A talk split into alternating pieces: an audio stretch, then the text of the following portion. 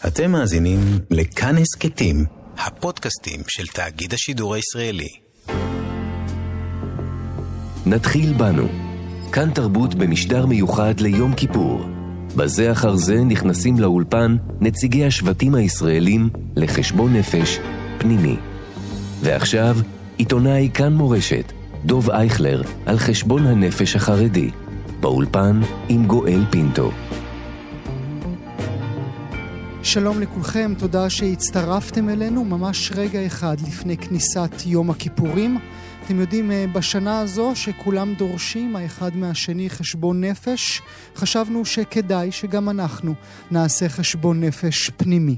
נתחיל בנו, כך בחרנו לקרוא למשדר המיוחד שלנו היום בכאן תרבות, משדר מיוחד ליום הכיפורים, כאשר בזה אחר זה נכנסים אל האולפן נציגי השבטים הישראלים לחשבון נפש פנימי. אני גואל פינטו. לצידי דוב אייכלר, איש כאן מורשת, שלום דוב. שלום לך גואל, חשבון נפש שמח לכולנו. כך, הנה הכרתם את דוב, זה ההומור הפרטי שלו. כמה מילים עליו אה, לפני שנפתח, הוא בן 32, הבן של חבר הכנסת ישראל אייכלר, חסיד בלז, או לפחות התחנך במוסדות חינוך של חסידות בלז. כבר שנים שהוא עושה בתקשורת כאן ושם, עד שהגיע אל הנחלה כאן אצלנו, ברשת כאן מורשת, עם תוכניתו בא בדוב, המואזנת ביותר מכל תוכניות תחנות הרדיו החרדיות. ממי אתה מבקש מחילה בשנה זו? מהבן שלי, בן 12. הוא תמיד מבקש ממני, הייתי ביום הולדת שלו, שאלתי אותו מה הוא מברך אותי, אז הוא אומר שתתחתן. ואני כבר 12 אה, שנה מאכזב אותו בעניין הזה, אה, וממנו אני מבקש את הסליחה הראשונה, קודם כל על כל מה שלא עשינו מספיק כהורים, כל מה שלא עשיתי מספיק כהורה בשבילו, ועל העובדה שאני, בדבר המרכזי שהוא מבקש ממני, נכשל בינתיים. למה הוא רוצה שאבא יתחתן? שאלתי אותו. הוא אומר לי, אני חושב שזה יעשה לך טוב. הוא ילד בן 12, לא מבין הרבה. אבל את הדבר הזה, הבסיסי, הוא יודע לומר לי. מה החלוקה ביניכם בבית עם האקסיט שלך? כשאני בא לבקר אותו בחו"ל, אה, אחת ל... עכשיו הקורונה הרסה לי את הרוטינה הזאת, הייתי מגיע תכופות ללונדון לבקר אותו, הוא חי הוא בחו"ל. שם. כן, וכמובן, ימי הולדת מעולם לא פספסתי, חוץ מבקורונה הפעם הראשונה. המגפה הזאת, מה שנקרא, די אה, נמאסה עליי, אה, הביאה לי את הסעיף כבר מהרגע הראשון שלה. אה, וכשבאתי אליו ליום הולדת ה-12, ואמרתי לו, תאחל לי משהו, מה אתה מאחל לי? אני איחלתי לך, כמובן. אז הוא אמר, אני מאחל לך שתתחתן בקרוב. זה בא לי בהפתעה. כלומר, הוא עד היום לא אמר את זה בפירוש, ומאז כבר כל פעם שאני מדבר איתו על זה, הוא אומר לי, תשמע, אמא נשואה, יש לה ילדים, ועכשיו, אה, אתה יודע, גם אתה, הגיע הזמן שתקים את ביתך. איך זה להיות אבא ממרחק כזה? קשה, קשה מאוד, ואם אתה שואל אותי ממי לבקש סליחה, אז גם על זה, ממנו, שאני אבא ממרחק. אה, רגע לפני הקורונה זה כבר היה משהו נורא פשוט. מרחק של חמש שעות טיסה, אתה יכול ביום רביעי, יום חמישי לטוס, כמעט כמו הורה אה, גרוש פה, לחיות על הקו. המגפה שינתה את זה. המגפה הפכה את חו"ל למקום רחוק, לאיפה שהיינו לפני 15 שנה. וזה שינה גם את תמונת ההורות שלי מולו. למה אתה לא מתחתן? או, זאת שאלה טובה. אה, אי אפשר לפתוח את זה, אתה יודע, במחי שיחה אחת על חשבון נפש. אבל נגיד שאני הבן שלך ושואל אותך. אה, אנוכיות, אה, ציניות, אני חושב, שהוא האויב הגדול ביותר. אצלי, מבחינתי, אתה ציני לכל דבר, אתה לא מאמין לאף מילה שיוצאת מהאנשים, לאנשים מהפה, וכשזה מגיע לעולם, ה... לעולם האישי, זה באמת מפריע לך לתפקוד, ליום-יום, כשאתה מגיע לדייטים, או כשאתה מגיע לשידוכים. אתה צריך לחיות עם הבן אדם שאתה מולו ולא מאמין למילה שיוצאת לו מהפה. נניח, אם יוצא. בגלל הציניות, זה, זה, זה עניין שלך לגמרי, ההוא יכול להיות, ההיא יכולה להיות אדם ראוי, טובת לב, לא, לא מוציאה דבר שקר מפיה, אבל אתה כציניקן, כמי שרואה כל דבר באופן אה, כלאם פאדי, mm-hmm. בצורה... אה, יש אה, פסוק, אל תבוז לכל אדם ואל תפליג לכל דבר. ובפרופורציות האלה אני נכשל לשמור על לא לבוז לכל דבר. לא עכשיו, אה, לא לכולם, לא לכל דבר. אפילו לעצם הנישואים, אתה לא מייחס לזה מספיק חשיבות. אתה רואה את הסביבה שלך מייחסת לזה את מירב החשיבות, משקיעה את כל חייה בזה. כל אחד בסביבה שלי משקיע את כל מרצו, את כל חייו. בהקמת בבניית התא בישראל. המשפחתי, כי, כי, זה, כן. כי זה באמת עומד, או לפחות בתפיסה שלנו. אנחנו עכשיו נדבר בשיחה הקרובה על. הפער בין תפיסה אוקיי. לבין אה, מציאות. אתה מבחינתי, ואני רואה אותך כאן בכל יום במערכת, מייצג באמת את האנטיתזה לתפיסה שלנו, את העולם החרדי. אני לא משקף את החברה החרדית בישראל. החברה החרדית בישראל, כל אה, אדם בן 32 כבר היום נשוי ואב לשבעה. יש לי לא מעט חברים כאלה. אב לחמישה, אם הוא כבר מודרני, אב לשלושה, בגיל 32. אז אני לא מקרה משקף בכלל. אני יכול לומר לך שאני, כשאני מגיע לשידור ולעבודה, אני מזדהה עם התפיסה שלהם. זה, זה, זה, זה נכון לומר עליך. אתה, יש לך הזדהות מוחלטת עם, עם המגזר החרדי. כן. למרות שאני באופן אישי לא חי את החיים האלה. וזה זה פער, זה הפער בין מה שאתה רואה כשאתה רואה אותי לבין מה שאתה שומע כשאתה מדבר איתי. אז מה הקבוצה שלך חושבת עליך כשאתה הולך לבית הכנסת עם האבא שלך, האיש הכל כך מוכר בציבוריות הישראלית? לא הייתי מזהה אפילו שאתה, לולא, אתם דומים כל כך, לא הייתי מזהה שאתם אבא ובן. אתה הולך איתו לבית הכנסת ביום שישי בערב, אתה תלך איתו בעוד כמה שעות אל בית הכנסת לתפילת יום הכיפורים. מה אנשים מסביב חושבים עליך כאדם? תראה, העובדה שאני שונה היא לא חדשה. אני לא חדשה כבר אה, 12 שנה. לאט לאט מתרגלים לעובדה שהוא, אה, מה זאת אומרת, אה, יגידו ירד, יגידו אחר, הוא שונה, הוא פשוט שונה מהם. הוא שונה לגמרי, ואיך הם רואים אותי, אני מעדיף לא לחשוב על זה. אני מעדיף באמת לא, לא לחשוב. אני מקווה שלא באופן שיפוטי מדי, אבל גם אם כן, אני אגיד לך את האמת, אני מבין אותם. האם אני לא הייתי רואה את דוב אם הייתי בחוץ באופן שיפוטי? אם הייתי שם, אני מניח שכן. אני חושב, אני חושב עליך ועל החיים שבחרת לעצמך, אז ההזדהות הזו שאנחנו שומעים בשידורים בכל יום, ההזדהות שלך עם המגזר החרדי, זה בשם האב? אז זו המנחה שאתה נותן לאבא שלך ולקבוצה ממנה הגעת? וואו, איזה ניתוח פסיכולוגי. אני יכול לומר לך שהלוואי וזה היה ככה. זה מגיע לרמות שלפעמים אני הרבה יותר קיצוני או רדיקלי באופן שאני רואה בו פשרן. לכן, להגיד שאני מנסה לרצות אותו, הפוך. לפעמים אני... לפעמים אני, אני, זאת אומרת, פיתחתי את המשנה הזאת באופן אה, כאילו בגלל שאני מכיר ו, ומסתובב בצד השני, אני מבין יותר את האיכויות ואת הרציונל ואת, ואת האג'נדה של הצד החרדי, וזה מחזק אצלי תפיסת עולם, את הזהות, זה מחזק את הגאווה שלי שאני שייך לצד ההוא, לצד החרדי, וזה באופן הרבה יותר חזק ממה שריצוי יכול לגרום לו. ממה המגזר החרדי צריך לבקש סליחה השנה? המגזר החרדי, אני חושב, צריך לבקש סליחה, ואפילו אני בתוכם, מהורים לילדים שחוו אפליה ברישום בניהם למוסדות. אם זה אימא גרושה שנוהגת ברכב, אם זה אב שלא הולך בדיוק במיינסטרים ובגלל זה מרחיקים את הילד שלו, מהלכים עליו אימים ברישום הילד שלו, ואם זה חלילה וחס, כמו זה מובן מאליו, הורים ספרדים שכל חטאם שהם אינם אשכנזים ולא עוברים את המכסה. אני חושב שזה החולי הרע, הבולט, הנוראי ביותר שיש בחברה. הוא קטן, עם השנים הוא קטן, אבל הוא קיים. וזה גדל לעבר, אם ככל שזה קטן כלפי ספרדים כספרדים, זה גדל כלפי חרדים מודרניים. המערכת אומרת לעצמה, אוקיי, הספרדים החרדים האדוקים, איתם אנחנו מתחילים לחיות איכשהו בסדר. עם החרדים המודרניים, בהם מתחילים לנהל את המאבק הזה, ומה שנקרא להתחיל לעבור, לעשות את כל העוולות האלה כלפי החרדים כי המודרניים. כי כשאנחנו חושבים על מהלך אגב, השנים... אגב, כשמדובר בשילוב זאת קטסטרופה. אם אתה הורה ספרדי מודרני, בכלל הלך עליך. אין סיכוי שתלמד במוסדות האלה. צרורות, אתה כן. יודע להסביר את זה כמי שמדברר את הקהילה הזו? אתה מבין את הפחד? כן, אני מבין את הפחד, ועדיין אני חושב שאנחנו צריכים להיאבק בזה. אנחנו צריכים להיאבק בפחד הזה, לא לתת לו לגיטימציה. מהו הפחד? הפחד שייכנסו כן. קולות או כוחות שאנחנו לא יודעים מבחינת להתמודד איתם? המערכת, אבא לילד חרדי שמחזיק סמארטפון, הוא בעצם מחזיק טלוויזיה והכל בידיו. והילד יכול להיחשף לכל זה ולבוא לספר את זה לחברו בכיתה. לכן, את הפחד הבסיסי הזה אני לגמרי מבין.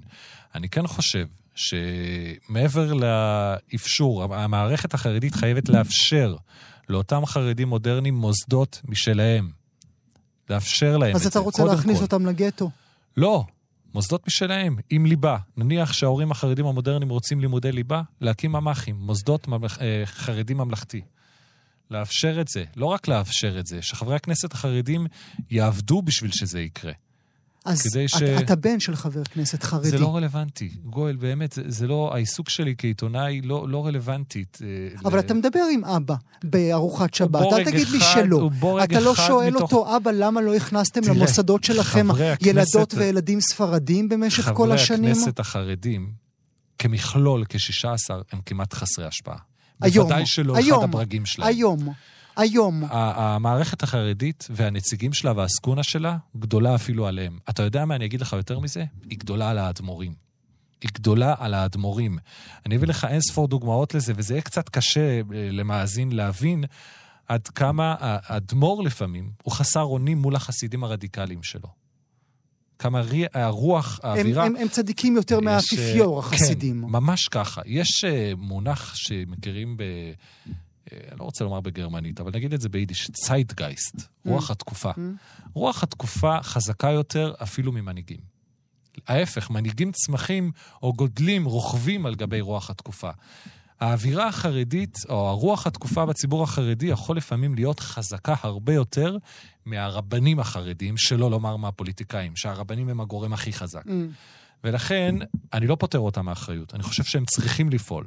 אבל העובדה שאני מדבר עם אחד מהם, אני גם מדבר עם אחרים שהם אפילו יותר קרובים אליי, וזה mm-hmm. לא עוזר. אני יכול, כאיש תקשורת, כמי שמציף שיח ציבורי, לדבר על זה, שוב ושוב. ולשנות את רוח התקופה, שהוא הדבר הכי חזק. אי אפשר uh, לעבור את השנה הזו ואת חשבון הנפש הזה, החרדים, מבלי לחשוב על אסון מירון?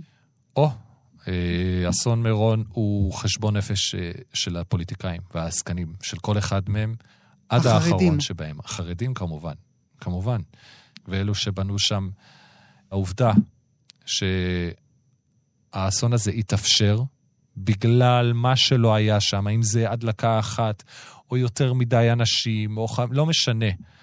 היא עובדה שמחייבת את כל הציבור החרדי לעשות חשבון נפש פנימי איך הוא תופס חוקי בטיחות, איך הוא תופס צפיפות, עד כמה הוא היה מודע לזה שצפיפות היא מסכנת חיים. גם ראינו התמוטטות של בית כנסת, אה, איזושהי התאגדות, קריסת קריסה כמה, ב... כמה כן, שבועות, כמה ימים אחרי. לוגיסטיקה? אבל אתה מדבר איתי על הלפני ואני אה, מדבר איתך על האחרי, כי הציבור הכללי הישראלי, כשהוא ראה את מקבלי ההחלטות החרדים, מסרבים לכל בדיקה ומנסים אולי אה, לטאטא את הכל מתחת לשטיח, נדמה לי שהציבור הכללי לא הבין, לא הבין מה קורה שם. זה, יש פה משהו קצת מעט מורכב מזה, אבל אני לא אלך להגן על ה... אפילו לא על, על האופן שזה משתקף. נכון, הפוליטיקאים החרדים לא באמת התנגדו לבדיקה, הפוך, הם הקימו כמה הצעות בדיקה, אבל המורכבות הזאת, אני לא הולך להסביר אותה. כי כשברגע שקרה אסון מירון, היה צריך עד האחרון שבהם, עד האחרון להיבדק ולתת תשובות. ואני שמח שיש ועדת חקירה ממלכתית שתבדוק ותבקש תשובות, כי בין ההרוגים גם דוד שלי, בן 55, אברך צעיר, דודה שלי חייה נהרסו. נהרסו. אני רואה אותה היום כמה חודשים אחרי, יש להם ילדים, הם מתגעגעים לאבא שלהם כל יום, מבחינתם גם בחג, וזה משהו שמחייב להביא להם תשובות, אגב, גם פיצויים. ובעיקר חשבון נפש ציבורי פנימי שאנחנו צריכים לקיים עם עצמנו, איך אנחנו תופסים צפיפות, איך אנחנו תופסים נוהלי בטיחות ואיך אנחנו תופסים לוגיסטיקה.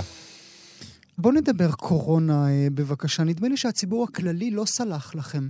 על התנהלות קורונה. עוד יותר מזה, אני אומר, אה, בשיחה שקיימתי איתך אה, לאורך השנתיים הארורות האחרונות שעברו על כולנו, אתה לגמרי היית בצד של החרדים, או שמת את עצמך בצד שאומר, הניחו לנו, הניחו לנו, עזבו אותנו, אנחנו נחליט עבור עצמנו. כשאנחנו רואים את המטוסים שמגיעים מאומן רק לפני רגע וחצי, כשאנחנו רואים עשרות אנשים ומאות אנשים שעולים לטיסות כאשר הם מזייפים את בדיקות הקורונה שלהם, מה אנחנו, הציבור הכללי, אמור לתפוס או לחשוב על הציבור החרדי בכלל? מה הציבור הכללי חושב על אנרכיסטים סתם, במגזר הכללי?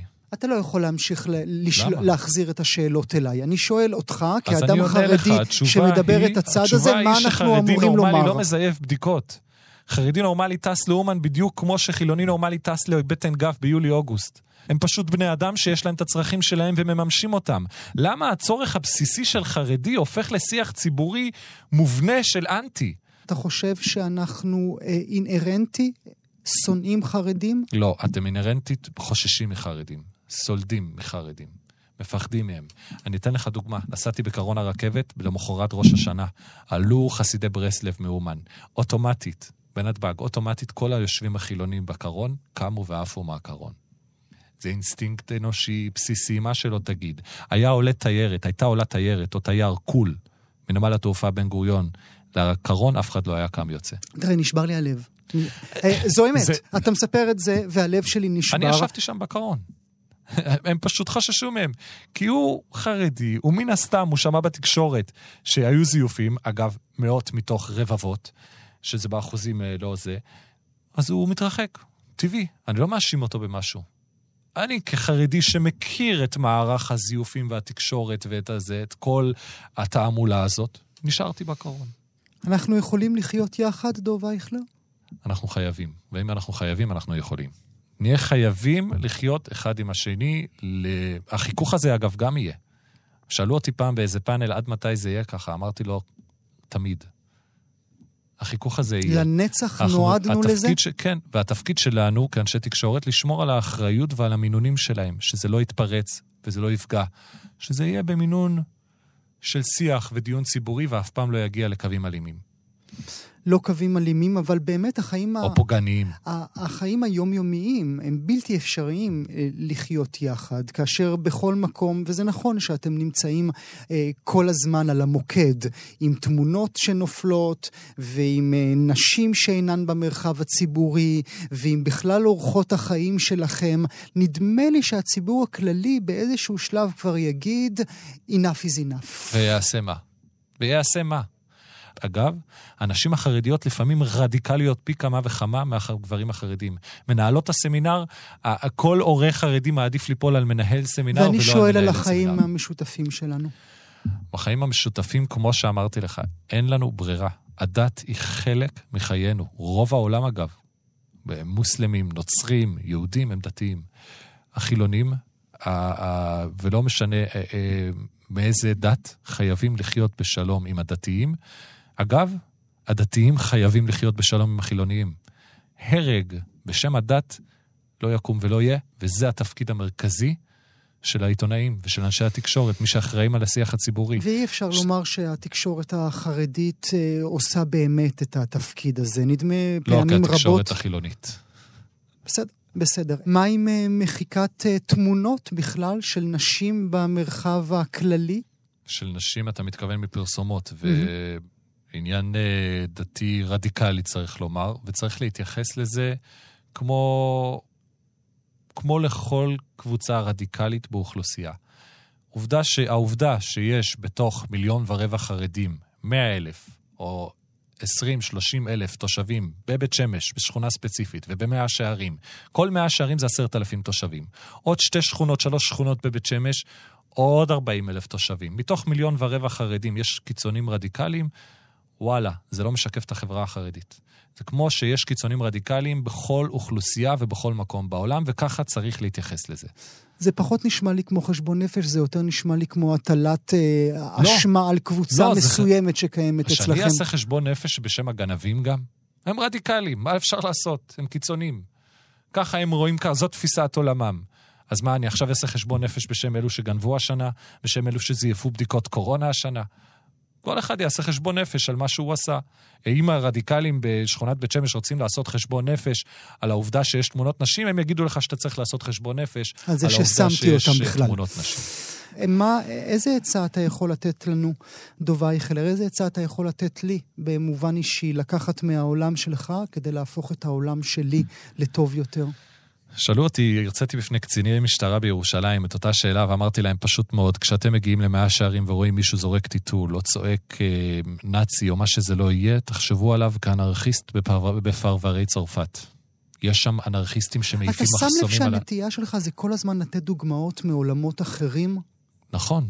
אלו דוגמאות טובות. אני חושב שאנרכיזם קיימת גם, קיים גם במגזר החרדי, כמו שקיים במגזר החילוני, ומפגינים, ופורעים, וזייפנים, ומסכני חיים, קיימים בכל חברה, כי בכל חברה יש כשלים.